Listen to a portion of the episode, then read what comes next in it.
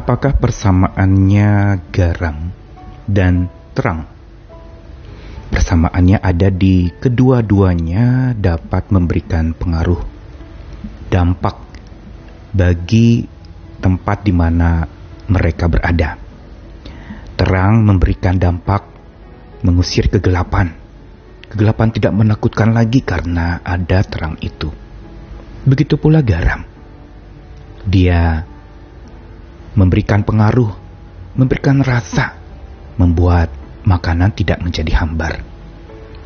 Namun cara mempengaruhi atau cara berdampak dari kedua simbol garam dan terang ini adalah dua cara yang berbeda. Kalau terang mempengaruhi atau memberi dampak dengan dia harus ditaruh di tempat yang terlihat.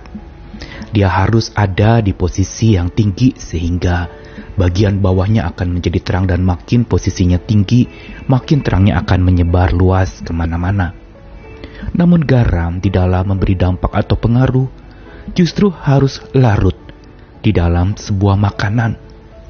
Atau fungsi garam yang kedua adalah mencegah kebusukan, yang berarti dia harus larut di dalam daging atau makanan mentah supaya tidak mudah busuk. Garam mempunyai fungsi pengawet. Dan inilah sebenarnya yang Tuhan ingin katakan kepada setiap kita orang percaya. Sebagai orang-orang percaya yang beridentitas terang dan garam, kita harus memberi pengaruh dengan dua cara yang berbeda. Yang satu tentu saja dengan ada di posisi yang baik supaya terlihat orang. Dan yang kedua adalah dengan cara larut, bergaul karib masuk ke dalam sebuah komunitas atau orang-orang yang ada di dunia ini tanpa dirinya itu terpengaruh, karena fungsi garam adalah mempengaruhi. Namun, satu hal yang penting yang akan kita soroti hari ini adalah tentang bagaimana garam itu larut, tetapi dia tidak hanyut. Dia larut di dalam satu wadah atau cairan atau benda atau makanan, tetapi dia tidak hanyut oleh rasa makanan itu, tapi dia memberi pengaruh, dia membuat rasa dari makanan itu menjadi enak untuk dimakan. Dia larut tanpa hanyut, tetapi memberikan pengaruh agar rasa asinnya itu diikuti. Saya Nikolas Kurniawan menemani di dalam Sabda Tuhan hari ini dari dua ayat yang berbicara tentang garam dunia Matius 5 ayat 13. Kamu adalah garam dunia. Jika garam itu menjadi tawar dengan apakah ia diasinkan, tidak ada lagi gunanya selain dibuang dan diinjak orang.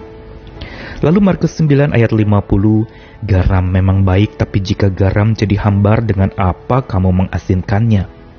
Hendaklah kamu selalu mempunyai garam dalam dirimu dan selalu hidup berdamai yang seorang dengan yang lain. Dua ayat ini sebenarnya dalam konteks yang senada yaitu ketika Tuhan Yesus berkhotbah di atas bukit. Mengingatkan lagi tentang identitas orang percaya sebagai terang dan garam dunia. Namun ditegaskan di dalam kedua ayat ini tentang garam itu ada sebuah warning atau pengingatan. Kalau garam jadi tawar, dengan apa ia diasinkan? Atau dengan kata lain, ayat ini ingin mengajarkan bahwa kalau orang percaya sudah tidak punya pengaruh bagi dunia ini, maka dia sebenarnya telah kehilangan kepercayaannya. Karena kepercayaan yang dari Tuhan membuat seseorang itu memberi pengaruh yang baik buat tempat di mana dia berada, buat komunitas di mana dia ditempatkan dan tinggal bersama. Inilah sebenarnya yang namanya menjadi pribadi percaya, yaitu memberi daya kepada orang-orang di sekeliling dan sekitarnya Bukan dia diperdaya oleh sekitar dan sekelilingnya, tapi dia memberi daya. Namun dikatakan di dalam ayat tadi bahwa tidak ada lagi gunanya selain dibuang dan diinjak orang. Yang berarti memang kalau orang percaya sudah tidak dapat lagi memberi daya atau memberi cahaya, memberi sebuah pengaruh kepada lingkungannya, maka boleh dikatakan sudah hopeless, sudah dapat dikatakan bahwa dia sudah tidak dapat lagi diasinkan, hanya akan menjadi bubuk putih yang tidak ada rasa sama sekali dan tidak punya pengaruh apa-apa. Namun pertanyaannya, bagaimana seorang percaya itu bisa memberi pengaruh atau dampak bagi sekelilingnya? Tentu saja sumbernya adalah dari Tuhan. Karenanya dikatakan hendaklah kamu punya garam dalam dirimu. Garam dalam diri seseorang itu adalah satu hal yang dibutuhkan oleh satu tubuh manusia. Kita butuh garam.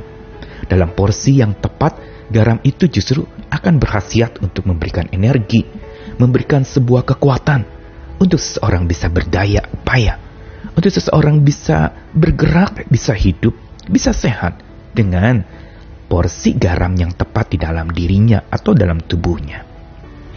Dan dikatakan di sini, hendaklah kamu selalu mempunyai garam dalam dirimu, bukan semata bicara soal tubuh atau berkaitan dengan anatomi tubuh, atau garam yang berarti dari makanan yang kita santap. Tetapi garam di sini justru juga mengandung makna rohani, yaitu bahwa ketika seorang dikatakan mempunyai garam dalam dirinya, itu berarti dia mempunyai pengaruh damai buat sekelilingnya.